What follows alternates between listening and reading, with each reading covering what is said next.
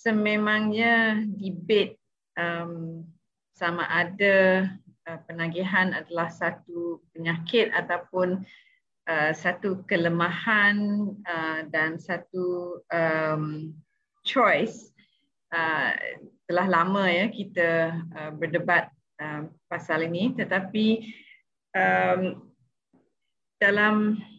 uh, beberapa dekade uh, kebelakangan ini pengetahuan mengenai uh, sains di di belakang um, masalah penagihan semakin bertambah dan saya rasa um, uh, you know tidak boleh dinafikanlah uh, penagihan mungkin berpunca dari uh, masalah sosial ataupun um, berkawan uh, dan sebagainya. Tetapi bila sudah uh, bertukar daripada hanya uh, sekali sekala mengguna dadah kepada uh, penagihan ini adalah kerana um, timbulnya biological changes uh, di dalam otak ya. Um, uh, sekalipun uh, substance yang digunakan adalah um, alkohol ataupun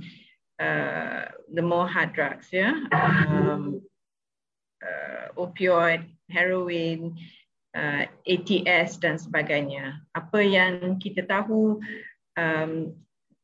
lebih lama uh, seseorang itu mengguna dadah lebih uh, banyak kesannya kepada reseptor-reseptor yang um, terdapat dalam otak. Uh, for instance, uh, untuk mereka yang mengguna heroin atau jenis-jenis um, dadah yang boleh dikumpulkan uh, di dalam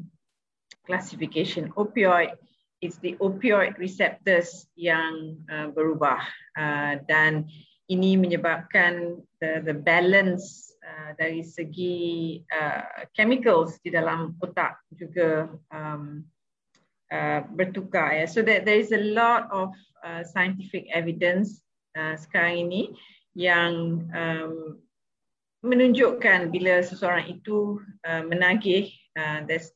banyak uh, perubahan yang berlaku uh, at the chemical level di dalam otak dan juga the receptors uh, di dalam otak.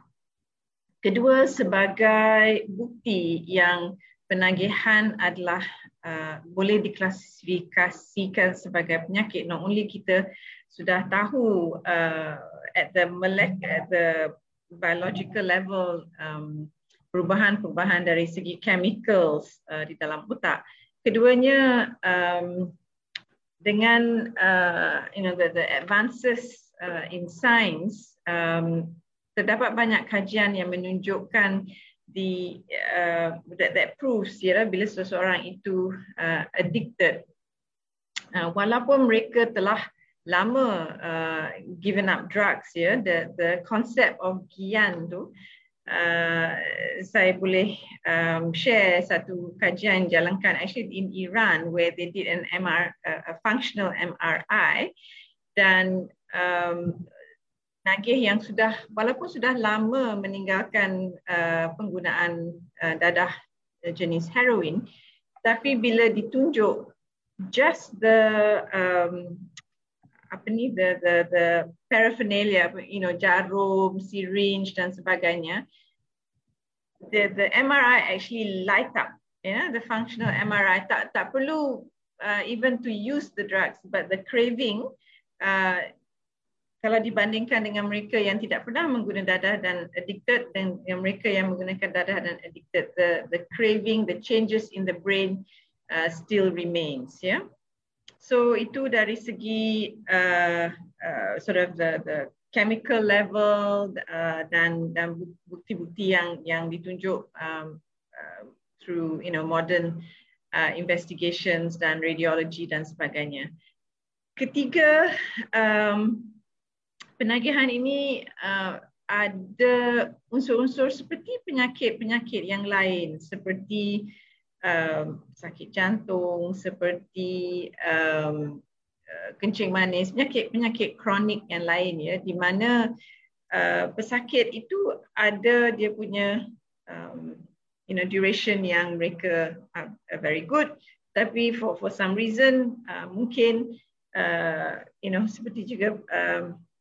uh, penyakit pesakit pesakit yang mengidap kencing manis there'll be moments yang uh, they they will not be so good. Ataupun uh, penyakit uh, say SLE lupus ya yeah, there'll be moments yang they relapse.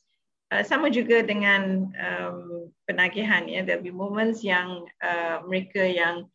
uh, telah lama meninggalkan dadah will be very good tetapi there'll be triggers di mana uh, mereka boleh relapse so um, ini menunjukkan uh, it's a chronic sebab tu uh, dari segi definasi uh, penagihan dadah didefinasikan sebagai a chronic relapsing uh, condition ya uh, sama juga dengan banyak lagi um, penyakit-penyakit kronik yang lain. So I think ini adalah antara um, antara uh, ciri-ciri yang boleh um, you know to justify um, penagihan sebagai satu penyakit. Dan bukan sahaja um, kelemahan nafsu ya yang yang dulu kita uh, ramai uh, ingat orang-orang yang nagih dadah ini sebab mereka lemah sebab um, you know uh, it's a choice. Uh,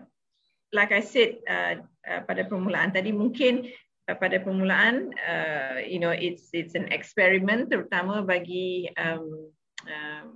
pemuda you know the, the adolescents. Tetapi um, setelah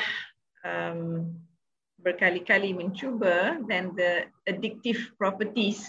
of these drugs um, akan menyebabkan uh, real biological changes yang berlaku